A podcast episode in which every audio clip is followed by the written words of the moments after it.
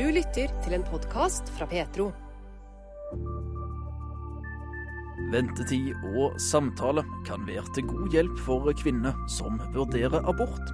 Det sier Kristine Rudstaden i Menneskeverd. Det er på ingen måte umulig å fullføre misjonsoppdraget. Dette kan vi klare i løpet av kort tid hvis vi står sammen. Det sier generalsekretær Helge Gaard i Misjonsselskapet. Til helga samles 36 norske misjonsorganisasjoner og menighetsbevegelser for å inspirere og lære av hverandre. Og artisten Hans Inge Fagervik ønsker å lage sanger for de som sitter på bakerste benk.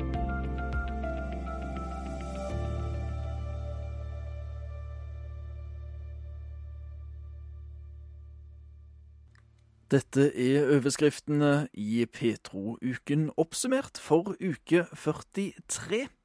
I tillegg skal du som vanlig få ukas refleksjoner. Denne uka er det Steve Bruns som deler tanker med oss, med utgangspunkt i søndagens preketekst. Det er bots- og bededag på søndag, og teksten den er henta fra Lukas evangeliet, det 13. kapittel, og vers 22 til 30. Først i Petro-uka oppsummert så skal vi til årets Unådd-konferanse. Et uvanlig bredt spekter av 36 norske misjonsorganisasjoner og menighetsbevegelser står bak årets utgave av Unådd-konferansen, som finner sted i Bergen denne helga. Målet er å styrke innsatsen for folkegrupper der kristen tro fremdeles er ukjent, sånn at de òg skal få høre. Motivasjonen og begrunnelsen er todelt, sier Terje Høyland, som leder IMI-kirkens internasjonale arbeid. Det er sikkert mange veier inn i misjonen, men for mange handler det om at en har fått et levende møte med Jesus sjøl, og unner alle andre det samme. Pluss at det ligger noen tydelige forventninger i oppdraget som Jesus har gitt til sin kirke, uh, om å gå ut i all verden og gjøre alle folkeslag til disipler. Det er jo ikke min kirke, det er jo ikke vår kirke, men det er Jesu kirke, sånn at det forplikter oss jo. Så har det jo vært en lang tradisjon i Norge, og du mener at det er i ferd med å bli mer fokus igjen på det med misjon? Ja, jeg har nesten ukentlig folk som ringer for de vil ut i misjon. I min kirke har, har nok en rolle sånn litt imellom mye, sånn at vi får uh, snakke med folk og sendt de videre til, til, til organisasjoner som kan på en måte virkeliggjøre det kallet de har. Der, uh, der er en, en, en veldig trøkk rundt det. Descend gjorde veldig mye i Rogaland og andre steder i landet, både i fjor og i år, i forhold til misjon. The Send var store arrangement som samlet tusenvis av unge mennesker, både nasjonalt og regionalt, og kall til misjonsarbeid var et sentralt tema. I likhet med Unådd-konferansen var òg The Send et bredt tverrkirkelig initiativ. I Rogaland var vi 40 menigheter som sto sammen og skal veldig snart lande hva gjør vi nå. Og En av de store tingene vi ønsker å se komme ut av neste fase, er mer misjon. Korttidsteam, korttidsteam og, og langtidsmisjon får lov til å komme ut av den enheten som nå har oppstått mellom menigheter i Rogaland. Ja, enhet nevner du som et stikkord her. Er, er, altså, er, dette med andre ord et tema som kristne fra ulike leirer lett samles rundt? Ja, stadig mer. Altså, hvis vi går noen år tilbake, så var det jo en reell debatt i avisene og andre steder om vi skulle slutte å bruke ordet misjon. Det, la, oss si, la oss gå ti år tilbake, så har vi, har vi i hvert fall tatt godt i. Og så, så, skjer det et eller annet, og det skjer noe i folket vårt. Det har noe med en, en, en der er en sult etter vekkelse som uh, har vokst fram det, de siste året, som henger sammen med misjon. Uh, og uh, der har blitt en sånn Gjennom Unåd bl.a. så har det jo gitt oss mulighet til å stå sammen med hele Misjons-Norge. Så det er utrolig spennende det som nå skjer, og i det ligger det mange muligheter. For uh, det kan godt være at, uh, at, det er folk som ikke har jobbet sammen før, som plutselig finner ut at vi får gjort enda mer hvis vi jobber sammen på, på et konkret felt, uh, f.eks. I listen på 36 organisasjoner som står bak årets Unådd-konferanse, finner vi andre Misjonsselskapet, Frikirken, Indremisjonsforbundet, Kristen Fellesskap, Misjonskirken Norge, Misjonssambandet, Nordmisjon, Pinsemisjon, Ungdom i oppdrag og en rekke andre. Folkegrupper med mindre enn 1% kristne regnes ofte per definisjon som unådd, noe som kan gjelde flere tusen folkegrupper. Terje Høiland mener at konferansen kan bidra konkret til at dette tallet reduseres. UNOD-konferansen har et uh, uttrykt mål om å få ned det tallet uh, gjennom i hvert fall 200 unådde folkegrupper som vi som representerer UNOD, uh, står i nærkontakt med. Det Norske Misjonsselskap, NMS, er Norges eldste misjonsorganisasjon med over 180 års erfaring med misjonsarbeid. Generalsekretær Helge S. Gaard sier dette om hvorfor de er med på unådkonferansen. Ja, Vi har bare vært der de to siste åra, eh, er det vel. Eh, og, og, vi har diskutert litt ord og uttrykk, og det er litt forskjellig i, i, i Kirke-Norge og Organisasjons-Norge. Eh, hva kaller vi unådd, hva ligger der i det? Men poenget må jo være at det vi har fått, det gir vi videre. Jeg, jeg var nettopp på Lutherske verdensforbund sin generalforsamling i Polen. Og, og der var det en, en av hilsingene jeg merka spesielt, og den var fra verdenslederen i Pinsevennene. For han, eh, han sto fram, og, og, så snakket han veldig vel om det lutherske nådebegrepet. Det hadde han hatt bruk for. Det var han så takknemlig for at lutheranerne hadde holdt fast på. At det var nåde, og det var der det tok utgangspunktet. Men så sa han men dere kan lære litt av oss pinsevenner på frimodigheten og dele det videre. Og, og, der tenker jeg at uh, både pinsevenner og IMI har noe å lære oss andre. Så vi har absolutt noe å lære i dette fellesskapet. Ja, og Det leder jo naturlig inn på, på neste spørsmål. For hva, hva, kan en sånn konferanse bidra til i, si, i, i praktisk misjonshverdag? Det å sette seg sammen og prate, kan det gi noen konkrete utslag? Ja, det gjør det absolutt. For det skaper en større forståelse for hva vi holder på med. Eh, og, og, og, jeg tror vi må ta tilbake eierskapet på ordet misjon i det hele tatt, som er blitt knytta til mye kulturimperialisme og andre ting. Og er det noen i vår lange historie som ikke har vært kulturimperialister, strengt tatt, så er det jo misjonærene som har samla eventyr, lokale eventyr og språk. Nå var jeg i Kamerun i forrige uke, og det den muslimske lederen sier i en av byene som NMS startet opp i, var tusen takk for det jobben dere har gjort med å skape et skriftspråk for oss. Dere har oversatt Nytestamentet til vårt språk. Nå må dere jammen få gang på Gamle testamentet òg. Så det at en muslimsk leder liksom setter pris på de sidene der, så, så, jeg tror dette med misjon, det må vi virkelig bare ta fram. Og så har vi fått litt hjelp av filmverden som bruker ord som 'Mission Impossible'. Og det var vel ikke noe mer 'Mission Impossible' enn disse elleve forskremte disiplene som sto på på, på, på, fjellet der. Og nå er vi kommet så langt at på en måte vi sier vi har lite samarbeid med lite kirke med 2500 i Japan. Men det er jo mangfoldige flere enn de elleve som begynte dette her. Når du allerede har 2500. Mm. Så det er liksom å, å se muligheten at, at, vi har et unikt utgangspunkt. Mm.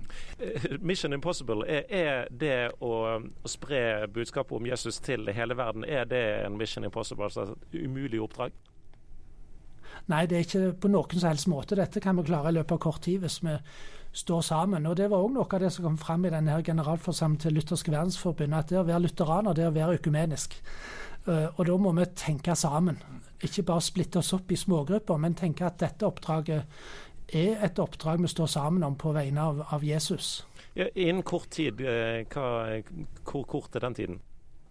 Det vil variere veldig. Altså, vi, vi, vi, vi, var litt seine med å komme med i denne UNOD-konferansen, for vi er ikke så opptatt av det 1 eller 2 prosentene når vi i noen land står i innhausting om alle mennesker som blir frelst, er viktige. Eh, men det har vært med å skape fokus på at vi òg må prioritere der det er få kristne. Og, og, og, og der går arbeidet seint, og jeg tenker vi må være tålmodige. Mm. Og Jeg har lite lyst til å sette antall år på det, for det kommer an på hvordan det åpner seg på den enkelte plassen. Men, I hva grad eh, prioriterer Misjonsselskapet eh, arbeid blant eh, folkegrupper der det er få eller ingen kristne? I hva grad? Jo, vi prioriterer det. Men, men du vet, hvis du måler i penger, så, så, prioriterer vi nok mer der det er en del kristne. Fordi vi har noe Norad-penger og Digni-penger til verdens fattigste. Men, men vi, vi satser likevel både i Midtøsten gjennom radioarbeid som dette med Z7, radio- og fjernsynsarbeid, og vi satser òg i i Mali, Pakistan, i Laos. Eh, ja, ja, ikke mindre i Thailand, da. Og, og så er vi òg i Europa, der det trengs en, en, eh, å vinne de nye generasjonene for Kristus, rett og slett. Eh, eh Terje Høiland, eh, ja, Vær så god. Ja, jeg syns det er inspirerende. Altså, vi representerer jo IMI Internasjonal som en, en menighetsbasert misjon. Vi, vi, vi, har partnere og jobber i, i ca. 20 land, men, men, men, omfanget vårt er jo veldig lite i forhold til hva Nordmisjon og Norske Misjonssamband og NMS og Troens Bevis og andre står for. Og det, det å få lov til å være være med og lære fra de som har lang historie og mye erfaring og mye kompetanse, er en av de store tingene som, som vi får dra nytte av gjennom UNOD. Så det, det, har vært lærerikt for oss, og, og, det er lærerikt for oss å få lov til å, å, å stå sammen med NMS og, og de andre eh, i å se hvordan eh, de jobber, og se hvordan de fungerer. Og jeg har jo gleda meg, og det, det, det, sa jeg før sending, at eh, jeg opplever at Helge og NMS har de siste årene satt misjonen på, på dagsorden på en måte som inspirerer oss andre, og som drar oss andre inn i å tenke helhetlig misjon, som òg innebærer å nå folk med evangeliet. Eh, for, for vi, mange av oss har, har nok hatt ei slagside med, med, hjelp av Digni og sånn i forhold til å uh, ta folk ut av fattigdom, noe som er, er, nydelig og viktig, en del av oppdraget. Uh, mens uh, den evangeliserende delen av misjonen har vi hatt mindre ressurser på. Men, men, men, men, nå opplever jeg at NMS, Nordmisjonen, uh, Misjonssambandet og andre uh, skaper en større balanse i det, uh, i den helheten som de, de, på en måte ytterpunktene skal være, eller de to delene av oppdraget skal være. og det syns jeg er veldig lærerikt. Og um, jeg gleder meg over å, å, å, å se hvordan de setter misjonen på dagsordenen. Så må vi ikke bli frista til å bare tenke fra Norge og ut, altså. For for, for, noe av det store nå er jo at verden går på kryss og tvers. Så vi, er med og bidrar til at uh, det reiser misjonærer fra Madagaskar til, til, Thailand, og det fungerer veldig godt. Det reiser misjonærer fra, eh, fra Kamerun til Mali. Og, og vi samarbeider med vår tidligere partner i Taiwan, der vi ikke har noe prosjekt og arbeid lenger. De sier vi vil jobbe sammen, og i løpet av det neste år skal vi sende ut 40 nye misjonærer i vår setting. og det, det betyr at vi kan ikke måle det i antall misjonærer lenger, for nå går det nå, nå, er det ikke bare fra Norge og ut, men det går i, på kryss og tvers, dette her. Og det er et stort og rikt arbeid å stå sammen om. Mm, veldig slagkraftig. Også. Samtidig så tror vi jo at det kommer eh, en ny bølge av norske misjonærer. Det kan godt være det ser annerledes ut enn da jeg reiste til, til, til Paris og andre reiste til, til andre land. Eh, og vi var ganske dyre. Eh, som misjonærer, og det, det, det, har nok vært den største utfordringen. at Eh, men det nå ser, er unge folk som, som tar til takke med nok og er villige til å reise til land som er, ganske stengte og kanskje til dels vanskelige.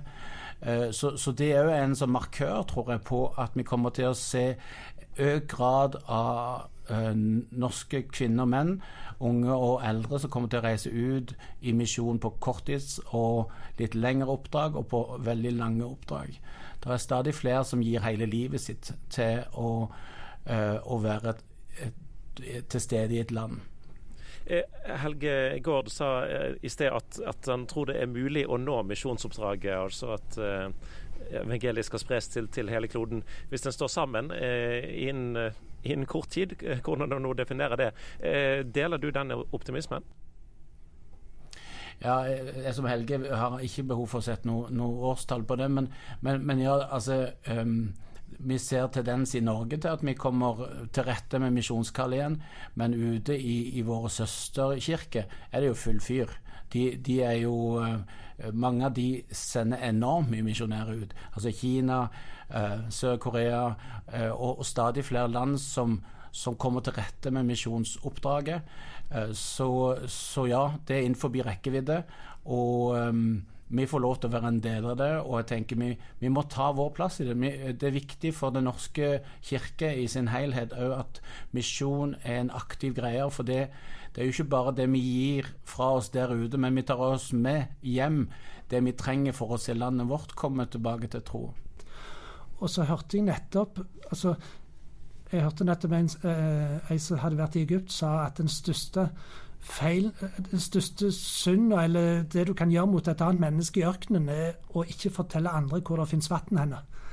Og, og, og, jeg tenker Hvis kristentrua betyr noe for oss, så er det temperaturmåleren på eh, hvis, den, hvis, den, betyr noe, så, så, vil vi gi det videre. Det sa generalsekretær i Det norske misjonsselskap, Helge S. Gahr. Sammen med han satt Tarje Høyland, som leder Imi-kirken sitt internasjonale arbeid. Unådd-konferansen finner altså sted i Kredo-kirken i Bergen 27. til 28. oktober, med 36 kristne organisasjoner og trossamfunn på arrangørlista. Bjørn Inge Sagstad var reporter i dette innslaget.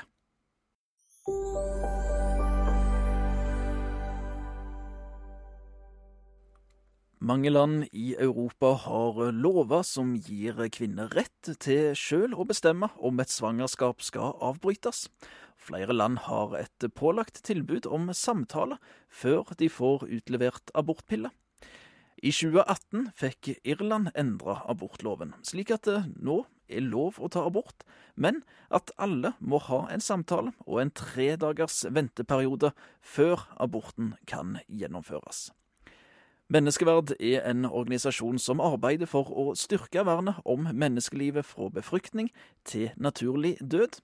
Kristine Rudstaden, informasjonsansvarlig i Menneskeverd, er ikke overraska over at tallene som viser at én av fem som har vært til samtale, velger å ikke ta abort.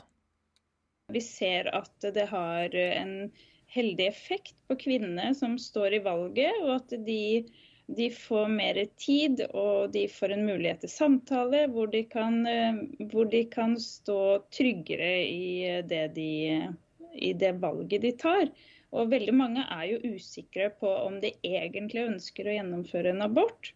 Og det vi ser da, er at, eh, at de kan få en, en trygghet på, på at, de, at, de, likevel ønsker å gjennom, gjennomføre svangerskapet. da.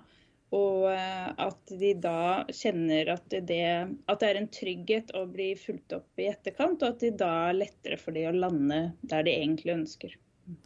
Så det å være i en sånn situasjon, du, du trenger litt eh, folk rundt deg som, som eh, kan eh, skjønne situasjonen du kommer i? Ja. Eh, de fleste som står i en sånn situasjon, de trenger først og fremst støtte. Og de trenger trygghet, og de trenger å bli trygget på at dette er noe de uh, kan og, og, vil og orker å håndtere. Uh, og da hjelper det at de får uh, litt innspill og litt samtale, litt tid til å tenke, tenke, over det. Og få noe Ja, og bli trygget, da. I, den, i de, den, opplevelsen, eller kanskje også en livskrise de står i. Og bli trygget i å ta en avgjørelse som de mener er bra for seg selv. Nå jobber du som informasjonsansvarlig i Menneskeverd, og dette er en organisasjon som jobber altså for å styrke vernet om menneskelivet fra befruktning til naturlig død. Dere har gjort det i Norge i, i mange år. De tingene ja. som vi ser fra Irland, er det eh, overførbart til, til situasjonen i Norge? Vi har foreslått eh, opptil flere ganger at det kan være en idé å ha et tidligere obligatorisk tilbud om oppfølging og en startsamtale i, eh, i, forbindelse med abort. Og vi har også eh, foreslått at det kan være en god idé å ha en venteperiode. En obligatorisk venteperiode. Men er en da i den situasjonen at en kan bli styrt eh, til å ta et valg av andre? At ikke en sjøl får lov å ta det valget? Ja, absolutt. Det vil alltid være en det vil alltid være sånn at man blir påvirket eh, en eller annen vei. Og, men, eh, men, vi ser likevel at, eh, at, i de landene hvor man har obligatorisk samtale i forkant, at det har en heldig effekt på kvinnen. fordi det trygger henne i det valget hun tar. Ja.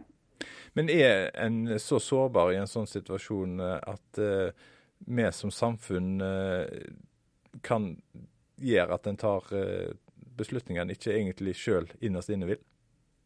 Ja, det tror jeg. Sånn er det tror jeg det er for alle til alle gjennom alle tider. Eh, så ja, jeg tror absolutt at man, man blir påvirka uansett om man vil eller ikke. Så det er ikke dumt å og Noen kan synes at det er veldig stress å bli fort ferdig med det. Og, eh, og det er et eller annet med å ha litt ja, ro ha, få den roen og tiden til å ta en avgjørelse som du vet også kommer til å påvirke deg og følge deg i lang tid. Ja. Men kan det bli for enkelt å snakke om abort i offentligheten? At uh, dette er et uh, ansvar som kvinnene må få lov å få sjøl, og, og, derfor skal vi som står rundt uh, ikke blande oss i det? Dette må kvinnen stå alene om, og kanskje det blir for, for mye for noen å stå alene om? Ja, det har i hvert fall vært en av mine tanker om, om, abortsituasjonen i Norge i dag, det er at man er så opptatt av at, vi, at vi skal ta valget alene. Vi skal få ta et veloverveid valg og vi skal ha all informasjon på bordet. At det ender med at man går fra det ene ytterpunktet, at du var gravid, du ble stående alene, du hadde ikke mulighet til å kanskje eh, da på den tidligere da, ta abort, og det var ingen far vil ikke ta ansvar. Og så går man over til et annet ytterpunkt hvor du blir litt dømt til å stå alene i situasjonen. Det er bare du som skal ta avgjørelsen, og ingen skal påvirke deg. Og du får heller ingen eh, ja, hjelp da, til å stå i det valget og stå i, de tanke, i det tankekjøret det er. Så det, det, kan eh, For veldig mange så vet vi at det har vært veldig uheldig. Men hvordan kan en snakke om dette her på en uh, naturlig og, og, respektfull måte? I, uh, I, samfunnsdebatten og i media så kan det nok ofte bli ganske spissformulert. Og man skal ha klare og tydelige poenger. Men i samtale mellom mennesker så tror jeg at, um, at de fleste er ganske uh, neppe å ha et stort spekter av forståelse og følelser. og Det er veldig lite det er veldig lite som er enkelt i en abortsituasjon, uansett om det er en tidlig abort eller en sen abort. Og noen ganger så er det kompliserte saker. Andre ganger så er det ikke så kompliserte saker, men vi har veldig mange vanskelige senaborter, og vi har mange saker som ikke er nødvendigvis et sånn ja, riktig svar med to streker under. Så, så, jeg tror at vi trenger eh, vel, Jeg tror også mange mangler kunnskap om abort, og kanskje også grunner til at noen, eh, noen også tar abort noen ganger. Men, men, det betyr ikke at ikke man skal kunne diskutere det. Og det er etisk eh, problematisk med abort. Og derfor så må vi alltid og det handler om liv og død. Og Derfor så blir det alltid en sak som blir eh, eh, vanskelig. Det er personlig, det er eh, mye skam involvert. Så dette er eh, Ja, det krever noe for alle som mm, samtaler om det. At man har med seg alt i dette i, ho i, i hodet sitt da, når man samtaler om det. Kristin Rudstaden er informasjonsansvarlig i Menneskeverd, en organisasjon som jobber for å styrke vernet om menneskelivet fra befruktning til naturlig død. Trenger du noen å snakke med om abort og graviditet? Da kan du ta kontakt med Amathea. Det er en gratis helsetjeneste. Du finner informasjon på amathea.no, eller du kan ringe 906 59 060. Intervjuet her var ved Bjørn Steinar Haugland. Petro har mange ulike podkaster og serier. Samlivsskolen gir råd og tips til par. I Pastoren og Journalisten prøver vi å finne ut hvorfor mange unge forlater menigheten i overgangen til voksenlivet. Og i Petro-gjesten får du høre livs- og troshistorien til en lang rekke spennende mennesker. Ekte og ærlig. Du finner alt i Petro-appen, på petro.no, eller der du ellers lytter til podkaster.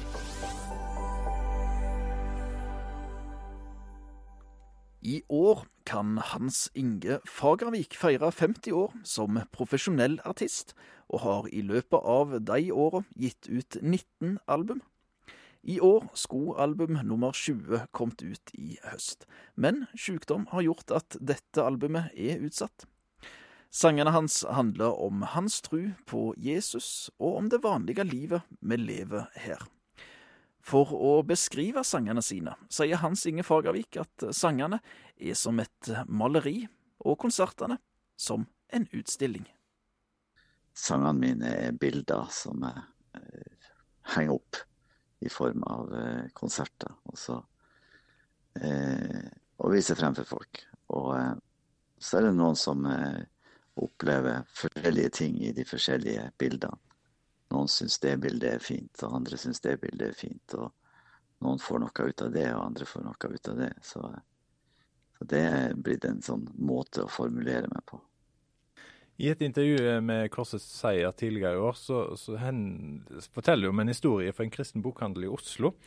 Det var ei dame som uh, sto bak disken der, og så var det ei gammel dame som uh, satt på en stol ved sida av. Og hun yngste hun uh, sier da at har du slutta å synge om Jesus? Og så en ja. eldre dame hun svarer at du har sikkert bare blitt lei av å synge for de som sitter på første benk. Ja. At du heller vil synge for de som sitter litt lengre bak, og at de forstår jo ikke alltid det kristelige språket. Hvordan opplever du den opplevelsen? Nei, det var en veldig spesiell opplevelse, fordi da har jeg ikke, jeg har ikke formulert, eh, formulert det inni meg sjøl. Altså, jeg, jeg, følte bare at, at eh, ikke alle sangene mine skal handle om dette veldig tydelige kristne budskapet. og jeg har lyst til å kommentere, jeg har lyst til å si noe om andre ting også. Sånn som en, eh, en eh, ja, kjent kristen forkynner som kritiserte meg en gang. Eh, han var maler også, han malte bilder, altså, og han kritiserte meg fordi at eh, det var mange av sangene mine som ikke handla om Jesus. Og så sa jeg men jeg har jo sett bildene dine, og, og eh, det er jo stort sett eh, naturbilder. Og jeg ser ikke korset i bildene dine, og jeg ser ikke Jesus i bildene dine heller, sa jeg. Så og det ble en ganske sånn merkelig opplevelse for han. Fordi at eh, da, da tror jeg han skjønte hva, hva det her handla om.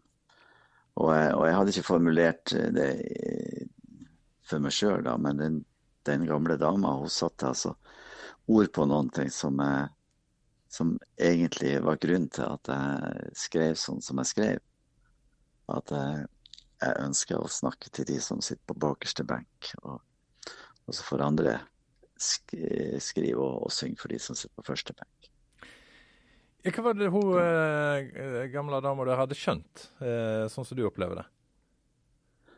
Jeg tror hun skjønte at, eh, at, at det er den, noen som bare vil ha én type eh, forkynnelse og én måte å si ting på og én måte å, å, eh, ja, å, å formidle på.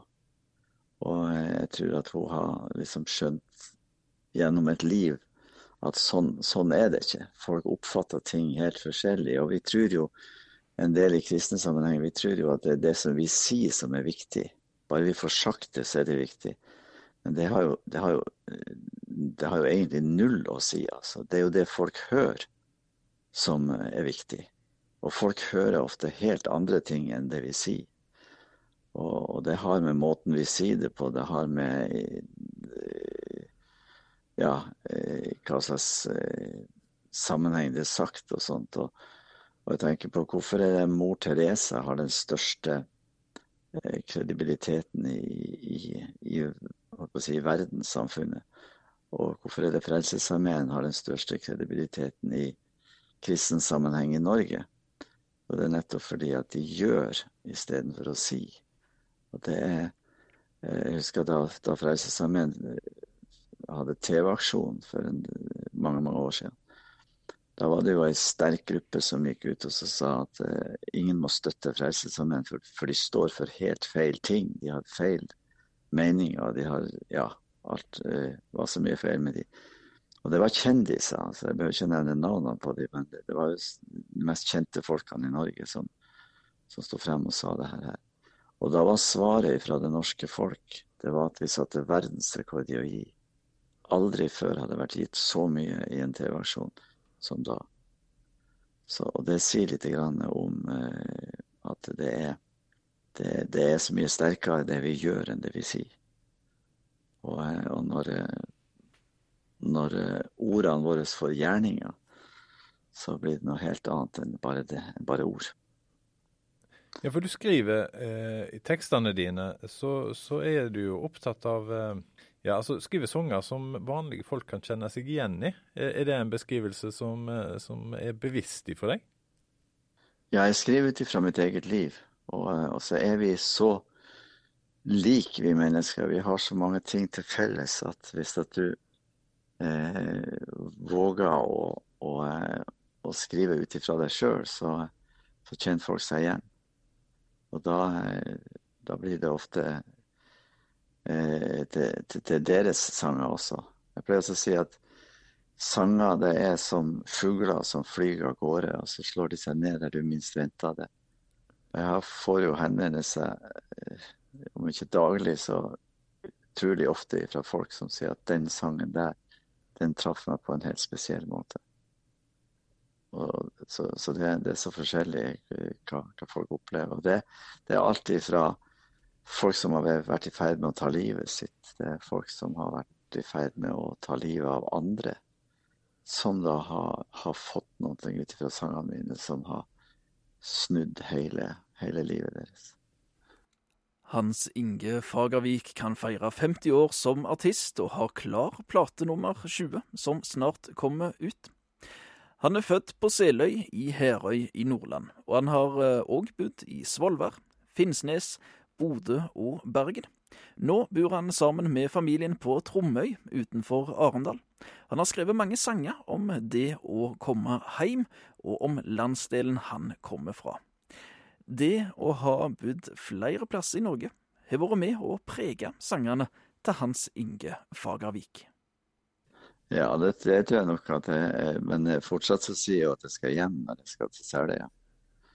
Det er guttene mine har jo reagert på det. liksom, 'Pappa, hvor er det egentlig du bor?' Men det, det, er et eller annet med det jernstavnsgreia.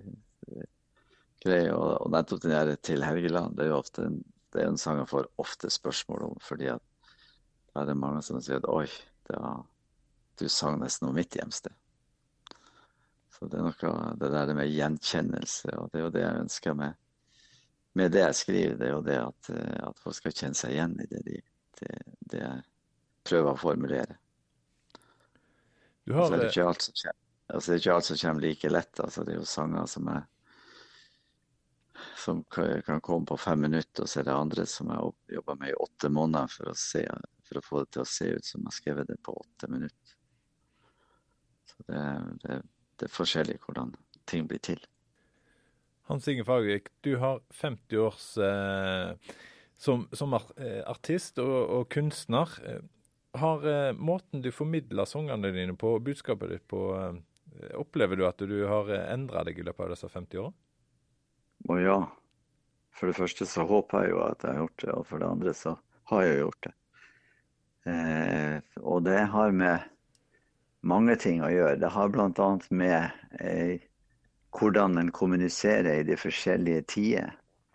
På 80-tallet, 70-80-tallet så var det veldig sånn, sånn eh, klare budskap. Altså det var på den måten det var en, eh, USA ut av Vietnam, det var USA ut av Indokina, det var nei til EU. Det var, det var liksom helt sånn tydelige slogans og slagord.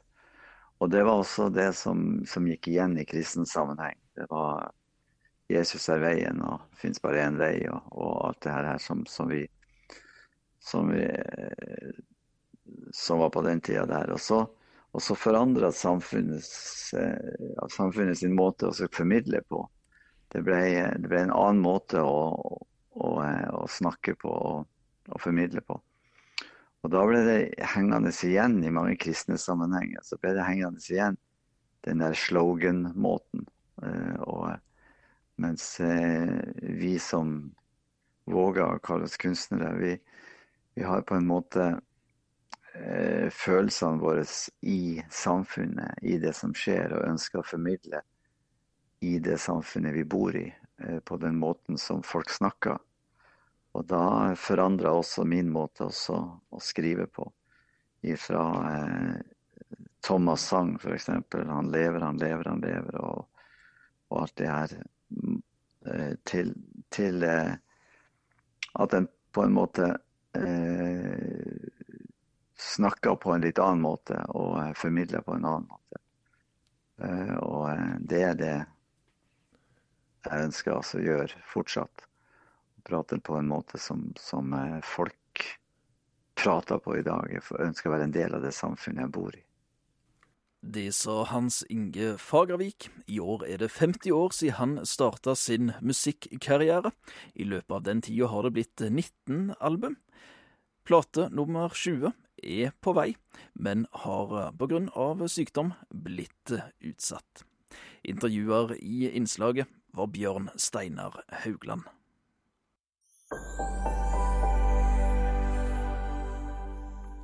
Denne søndagen er det bots- og bønnedag.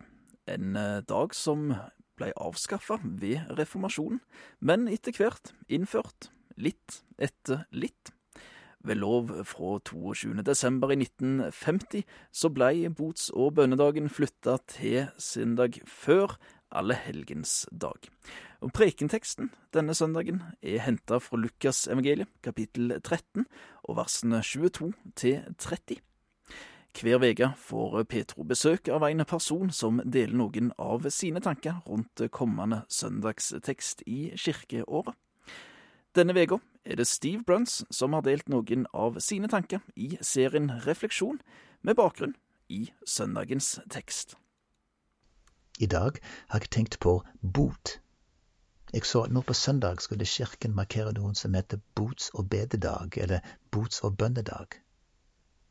Når jeg hører ordet bot, tenker jeg på den forferdelige gule lappen som dukker opp på bilruten med jevne mellomrom. Eller den gangen jeg kjørte altfor fort og ble tatt av politiet, og fikk jeg valg mellom bot og fengsel. Men når kirken snakker om bot, tror jeg de mener noe annet.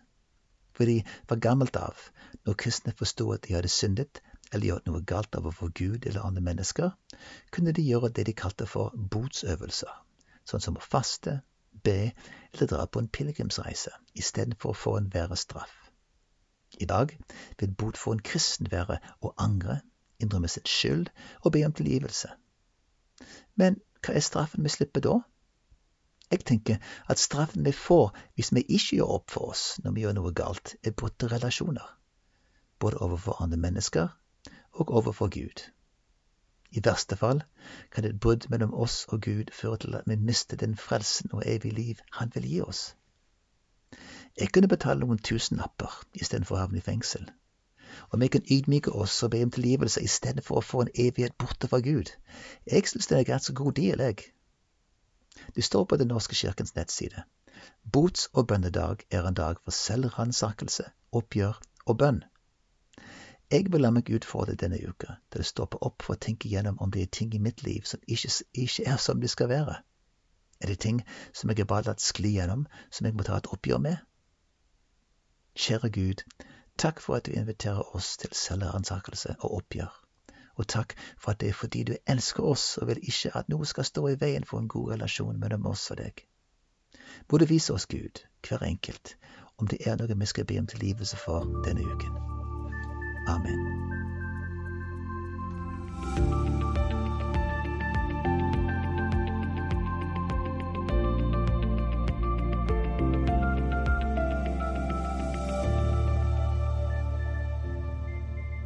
I dag har jeg tenkt på dette med omvendelse. Jeg leste noen bibelvers i brevet som Paulus skrev til romerne i kapittel to. Der står det Skjønner du ikke at Guds godhet driver deg til omvendelse? Hva betyr ordet omvendelse? I kristne sammenhenger kan ordet ha en negativ klang, dessverre. Det kan, kan forbindes med pekefingeren. Du er syndet. Du har gjort noe galt. Skjerp deg. Vend om. Ordet omvendelse betyr egentlig å endre retning. Hvis vi opplever at vi går feil vei, så er den eneste logiske ting å gjøre å snu oss, vende om og gå i en annen retning. For et par uker siden hørte jeg ei som sa, snakket om det, at omvendelse er en gave fra Gud. Jeg tenker det er ganske godt sagt. Jeg har erfart at Gud elsker oss mennesker. Han har skapt oss og vil ha en relasjon med oss. Når vi gjør galne ting, så blir det avstand mellom oss og Gud. Og det vil ikke Gud.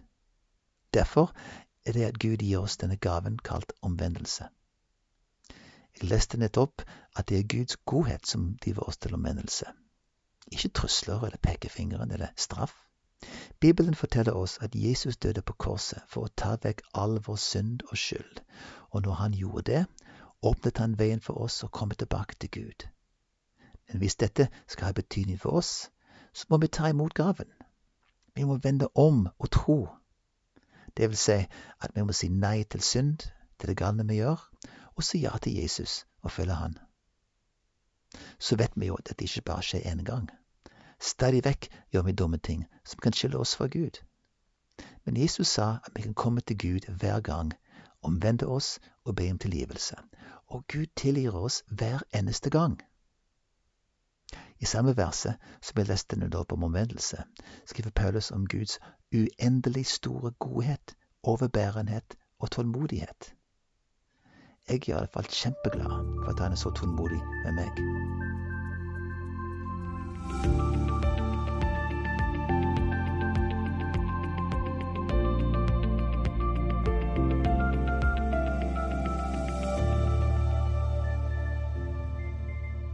I dag har jeg tenkt på fordømmelse, og hvor lett det er å dømme andre mennesker.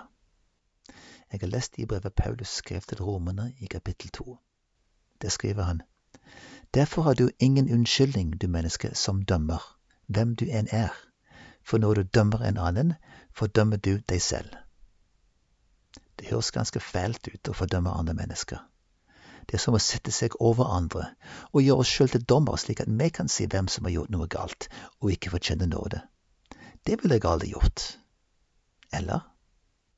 Jeg er redd for at fordømmelse kan se litt mer pent og pyntelig ut, nesten som om vi ikke helt forstår at vi har gjort det.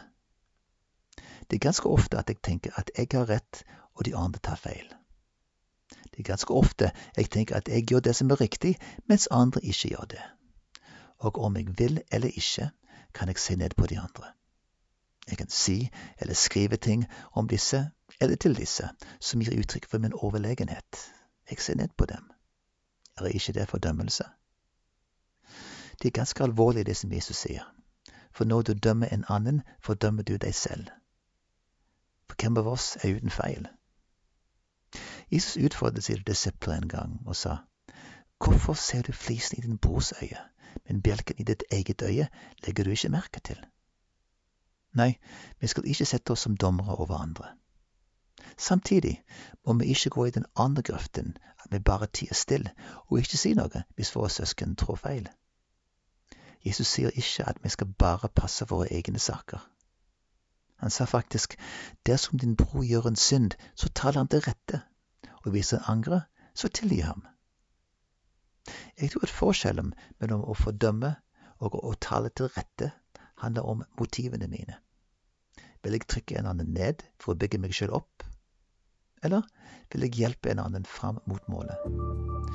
Her trenger i alle fall jeg å bli utfordret.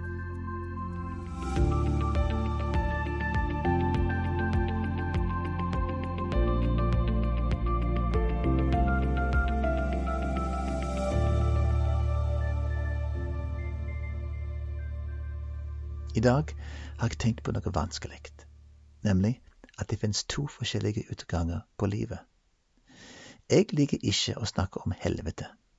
Jeg synes det er mye bedre å snakke om himmelen.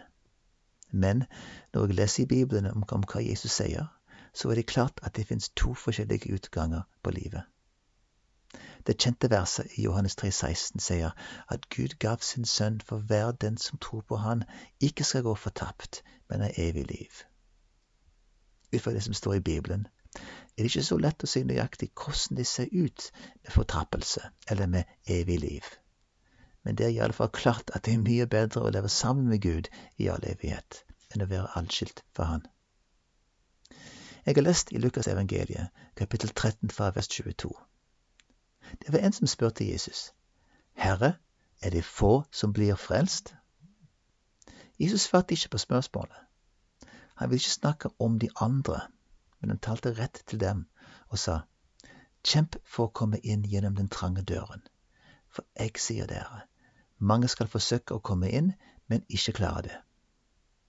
Har tenkt på hva Jesus mente da han sa, Kjemp for å komme inn gjennom den trange døren. Jeg tror han mener at det er mange veier som ikke fører til frelse, men kun én vei som gjør det. Jesus sa en annen gang, Jeg er veien, sannheten og livet. Ingen kommer til Far uten med meg.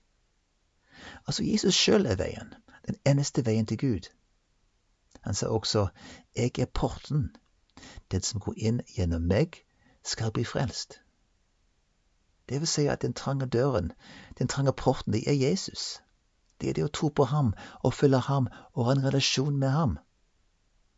Ingenting av det vi gjør, kan gjøre oss fortjent til å komme til himmelen. Det handler bare om Jesus. Og selv om døren er trang, så tror jeg at det er plass til alle som vil si ja til ham.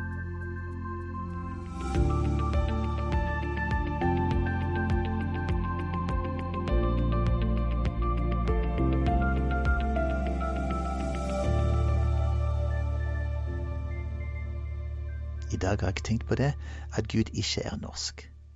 Jo, vi vet det. Gud har skapt alle mennesker på jorden i sitt bilde. Likevel tror jeg at vi nordmenn har lett for å tenke at vi er litt bedre stilt enn de andre når det kommer til Gud. Norge er jo et kristent land, og Gud velsigner oss på så mange måter. Jeg leste en fortelling av Jesus i Lukas evangeliet, kapittel 13, der han snakker om hvem som skal til himmelen. Han sier blant annet fra øst og vest og fra nord og sør skal mennesker komme og sitte til bords i Guds rike. Da skal noen som er de siste, bli de første, og noen som er de første, blir de siste. Når jeg hører disse ord, tenker jeg for det første at Gud elsker mennesker i alle kulturer og vil at alle skal bli kjent med ham, følge Jesus og komme til den store festen en dag i himmelen. For det andre tror jeg at mange skal bli overrasket over hvem som er der i himmelen. Han sier at noen som er de siste, skal bli de første. Jeg ser for meg folk fra andre religioner, muslimer, buddhister, hinduer, som er kommet til tro på Jesus. Jeg ser for meg uteliggere, narkomaner, prostituerte som har satt sin lit til Jesus. Men det alvorlige her er at Jesus sier at noen som er de første, skal bli de siste. Det betyr at folk som vi tror er kristne, ikke vil komme til himmelen. Saken er at vi nordmenn har ingen gratisbillett til himmelen fordi vi bor i et kristent land.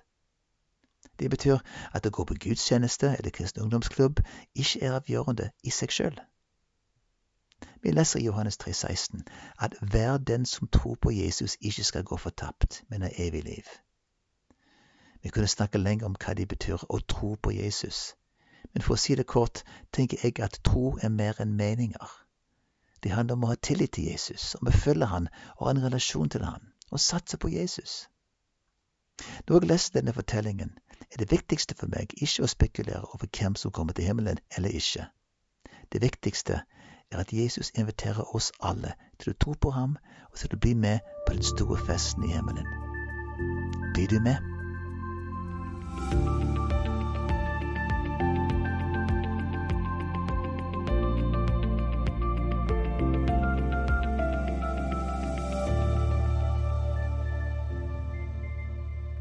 Du har hørt eh, Steve Bruns dele noen av sine tanker rundt eh, søndagens prekentekst, som vi finner i Lukas evangeliet kapittel 13 og versene 22 til 30.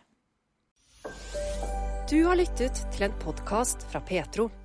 Du finner mer i Petro-appen, på petro.no, eller der du ellers lytter til podkaster.